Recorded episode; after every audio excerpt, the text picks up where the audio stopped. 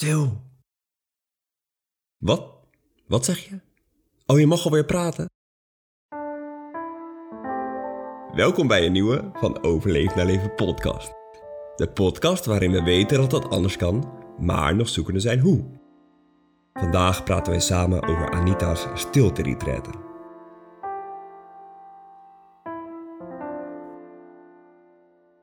Afgelopen vrijdag kwam ik thuis uit werk en dat was voor mij het moment dat ik vakantie had. Lekker twee weken mei vakantie. Lekker twee weken mei vakantie. En Anita was deze middag thuisgekomen van haar stilte-retraite. Ik opende de poort en ik zag daar een blij persoon zitten met twee stralende ogen, een bruine kop en vol met positieve energie. Maar toen we er daarna samen over aan het praten waren, zei je dat het lang niet alleen maar makkelijk was. Kun je ons eens meenemen in hoe het voor jou is geweest? Ja, ja het was zeker niet alleen maar makkelijk. De eerste twee dagen heb ik echt wel eens heel heftig ervaren. En ehm, ik heb heel veel geschreven, omdat ik natuurlijk niet kon praten. Misschien leuk om uh, inderdaad van dag één een stukje voor te lezen. Dat je een beetje een idee hebt hoe dat in mijn hoofd toen ging. Elf man in een halve kring rondom Michiel. Rust, uitzicht op het water, vogeltjes en Michiel stem. We zijn begonnen. Michiel woorden komen recht vanuit zijn hart. Dat kun je horen, voelen en zien. Direct voel ik mij met hem verbonden. Wat hij zegt raakt en ik voel dat het klopt. Puur, licht en vol van vreugde. Na een korte kennismaking wordt de stilte in acht genomen. Oké, nu gaan we echt beginnen. Hij wenst ons een fijne lunch en middag en vrije tijd tot 4 uur. De lunch is heerlijk en gezond. Ik vind een fijne plek in de tuin om deze te nuttigen. Maar tijdens de lunch begint al vrij snel de innerlijke dialoog. Ik heb nog twee uur. Wat zal ik daar eens mee doen? Al snel volgt een scala van opties: bed opmaken, wandelen, alvast mediteren. Oh my god, ik heb het nog druk. Ik wil van alles, maar na de lunch en het bed opmaken is er nog maar drie kwartier over. En eigenlijk wil of moet ik nog wandelen. Omgeving verkennen, beweging, calorieën verbruiken. Nee, fout. Nee, daarvoor kom ik hier niet. Deze dagen hoef ik namelijk juist een keer niks. Oké, dan dus gewoon even ontspannen en proberen te zijn. Want waarvoor ben ik hier eigenlijk ook alweer wel? Mijn innerlijke rust vinden. De vrede en vreugde in mezelf die er altijd is. Dat punt waar altijd rust is, onafhankelijk van wat er om me heen gebeurt. Dat punt waarvan ik ook zeker weet dat het bestaat. Alleen soms lijkt hij zo diep en onbereikbaar door de hectiek van de dag. Nog een reden dat ik hier ben: het gevoel op een kruispunt te staan en nog niet te weten welke kant te kiezen. Stoppen met mijn werk, reizen, kindje, mijn missie leven.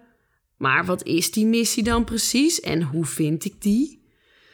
Wat een vragen. Mijn hoofd maakt echt overuren.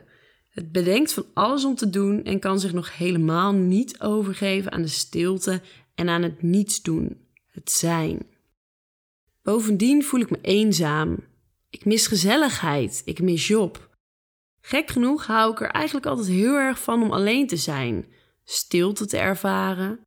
Maar nu voelt het eigenlijk alleen maar heel erg leeg. En ik kan ook geen berichtje sturen, wil geen berichtje sturen, want ik vind dat ik dit alleen moet doen. Gek genoeg mis ik zelfs WhatsApp en Instagram een klein beetje. Juist dat waar ik zoveel zin in had om het niet te hoeven doen, mis ik nu. Gewoon even dat shotje afleiding. Oh, kon ik maar één glaasje wijn nemen. Even dat glaasje om de scherpe kantjes er een beetje van af te brengen. Maar ook dat is er niet. Ik moet het echt alleen doen met mijn binnenwereld. Oké, nou dat klinkt inderdaad allemaal best wel pittig. Je had dus veel gedachten. Je moest veel van jezelf. Je wilde afleiding zoeken in WhatsApp en Instagram. Maar waar liep je nou het meest tegenaan? Ik denk het meest tegen het oordelen. Oordelen vooral over mezelf. Oordelen over alle gedachten die ik had. Alles wat ik van mezelf moest. En dan weer oordelen dat ik daar dan een oordeel over had. Dus, oh nee, ik mag niet oordelen, ik mag niet dit of dat. Echt bizar, maar je zit zo diep in een soort van innerlijke dialoog. Ehm, zoveel strengheid voor mezelf, zoveel moeten. Ja, echt bizar. Maar je komt ook uit een drukte van de alle dag. En ik had die ochtend best wel een hectische ochtend ervaren. En dan is het gewoon hup, hup, hup. En ineens is het niks meer doen. En hoef je niks meer, maar dat hoofd dat denkt alleen maar ja, toch. Je moet nog steeds van alles. Die, die is niet zo snel daaraan gewend.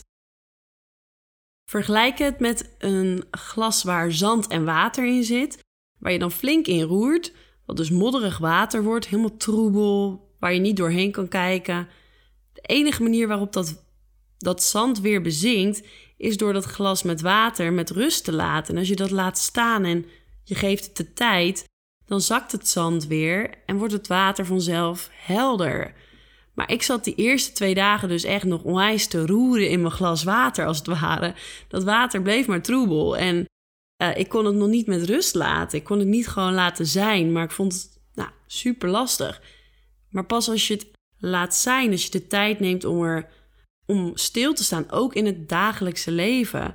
Zolang je maar blijft meerennen en afleiding blijft zoeken en die shotjes uh, WhatsApp, Instagram, uh, tv kijken blijft nemen, dan blijft je water eigenlijk continu troebel.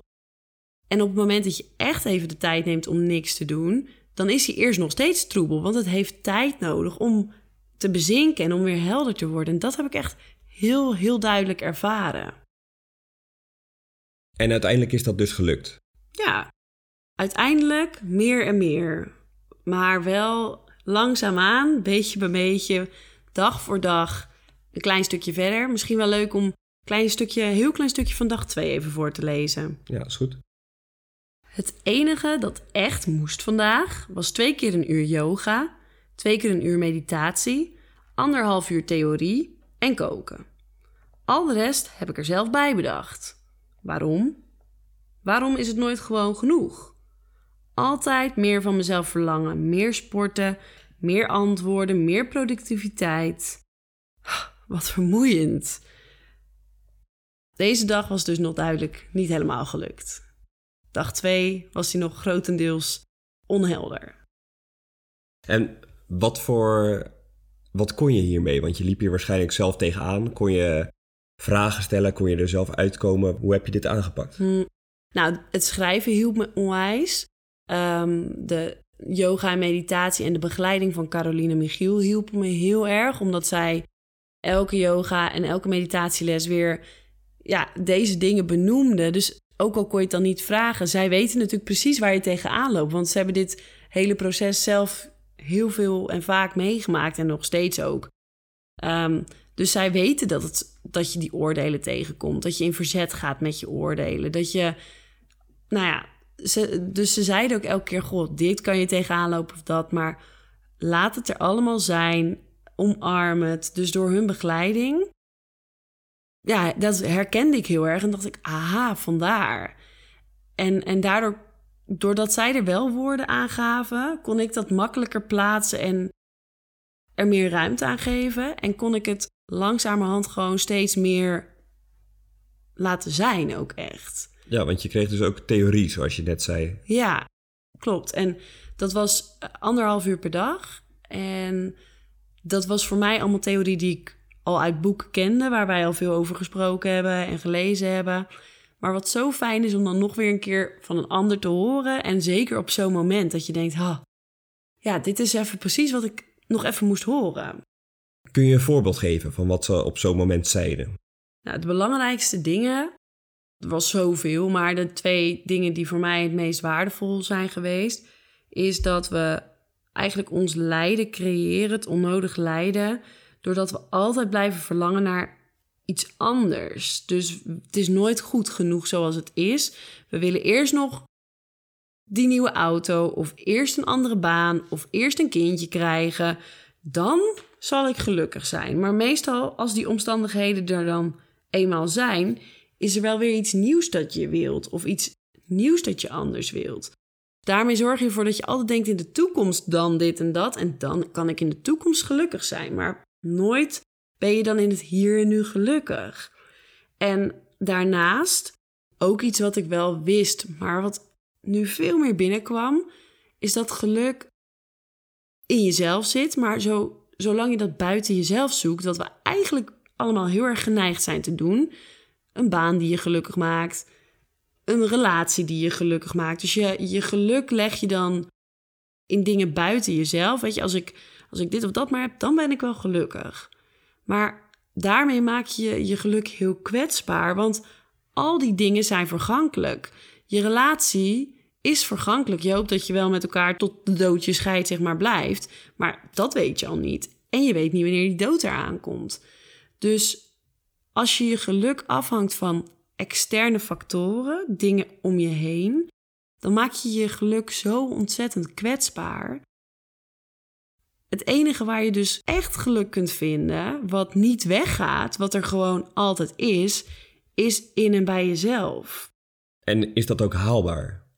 Ja, ik denk het wel. Maar dat is dus die hele zoektocht, hè, van eigenlijk door in het hier en nu te leven, door van elk moment nou ja, te genieten. Je kan niet van elk moment genieten, want sommige momenten zijn pijnlijk. Maar door elk moment echt te beleven, kun je bij dat geluk komen. Want dat is de boodschap. Het zit niet in de toekomst, het zit niet in het verleden. Het enige waar je is hier, nu. Maar dat is, dat is juist de uitdaging. Want hoe vaak zitten we niet met ons hoofd toch bij die dingen in de toekomst, of toch bij het verleden, of in je oordelen, of in gedachten. En dat was voor mij zo confronterend. Ja, ik zit zoveel niet in het hier en nu. Maar door al die meditaties, en wij doen het natuurlijk al elke dag, dat mediteren. Dus wij zijn ons daar al wel meer en meer van bewust. En daardoor proberen we denk ik al wel meer in het moment te leven. Maar daar zat ik gewoon 40 minuten achter elkaar stil. 40 minuten niks. En dan werd ook, het was geen geleide meditatie, je moest het echt zelf doen. Je ademhaling observeren en je gedachten en je je hoofd, je mind, je oordelen observeren. En op een gegeven moment, dat was een beetje dag drie, begon ik te merken dat ik elke keer, hé, hey, gedachten en terug naar mijn ademhaling. Maar dat ik, normaal ga ik dan een tijdje met zo'n gedachte mee. En nu was het eigenlijk elke keer direct terug naar mijn ademhaling. Oh, ik merk dit op. Terug. Oh, ik merk een fysieke sensatie op. Pijn op van het zitten. Uh, terug naar mijn ademhaling. En in ene had ik een soort van. Ja, je komt echt in een soort observerende rol. Van, ik observeerde mijn gedachten. Echt die observerende rol. Mijn ego observerend. En toen ging ik me ineens afvragen: hè, maar wie is nou die persoon die die andere persoon observeert? Ik voelde me een soort van. Ja, bijna alsof er twee in één zitten. Dus je hebt dat stuk met al die gedachten en oordelen, je ego. Die is niet minder. Nou ja, die is wel iets stiller geworden, maar die was er nog steeds. Maar er zit blijkbaar nog iets wat dan dat kan bekijken. En hoe meer ik me daaraan over kon geven, hoe meer er rust kwam en zachtheid en een soort vrede. Maar vooral zachtheid over die gedachten. Dat ik echt kon lachen om een, om een gedachte of over een oordeel. ik dacht, nou, het is echt zo grappig dat dat daar gebeurt. Maar dat er een andere laag is waar ik gewoon uh, oké kan zijn met dat dat zo is. En ik heb dat wel, wel eens eerder een beetje ervaren, maar daar was het echt, bleef langer bij me. En die hele dag, die derde dag, heb ik dat echt best wel gevoeld. Met als resultaat s'avonds. Uh, iedereen lag al op bed, iedereen ging vroeg slapen en ik was nog in mijn eentje wakker. Ik was nog wat aan het lezen. En ik voelde me zo intens gelukkig van binnenuit. Gewoon een soort van verliefd gevoel op het leven. En misschien zelfs op mezelf of zo. Dat klinkt misschien heel gek, maar gewoon een compleet gevoel met mezelf. Een compleet vredig gevoel met mezelf. En dat was voelbaar in mijn hart en in mijn buik. Als een soort van gevoel als je normaal iets hebt waar je heel erg naar uitkijkt. Iets, iets leuks of, of het verliefde gevoel. Dat kon ik nu uit het niets zomaar voelen. Dat was echt heel bijzonder. Ja, dat klinkt wel als een bijzondere en hele mooie ervaring. Ja. En nou, na een aantal dagen kwam je natuurlijk thuis. Kon je dat gevoel vasthouden of was dat heel snel weer weg? Nou, het is nu zondag, het was vrijdag toen ik thuis kwam. Vrijdag kon ik dat echt nog wel heel erg... Ja, zat ik nog een soort in die bubbel. Zaterdag misschien ook, maar toen was gisteren Koningsdag. Dan is dat gevoel ineens wel weer ook heel ver of zoiets. En ik merk nu dat de bubbel wel een beetje lek geprikt is al. En dat ik toch alweer sneller in die oordelen stap en sneller heel erg in mijn hoofd. Laat ik zo zeggen, het glas water is alweer wat troebeler. Dat merk ik.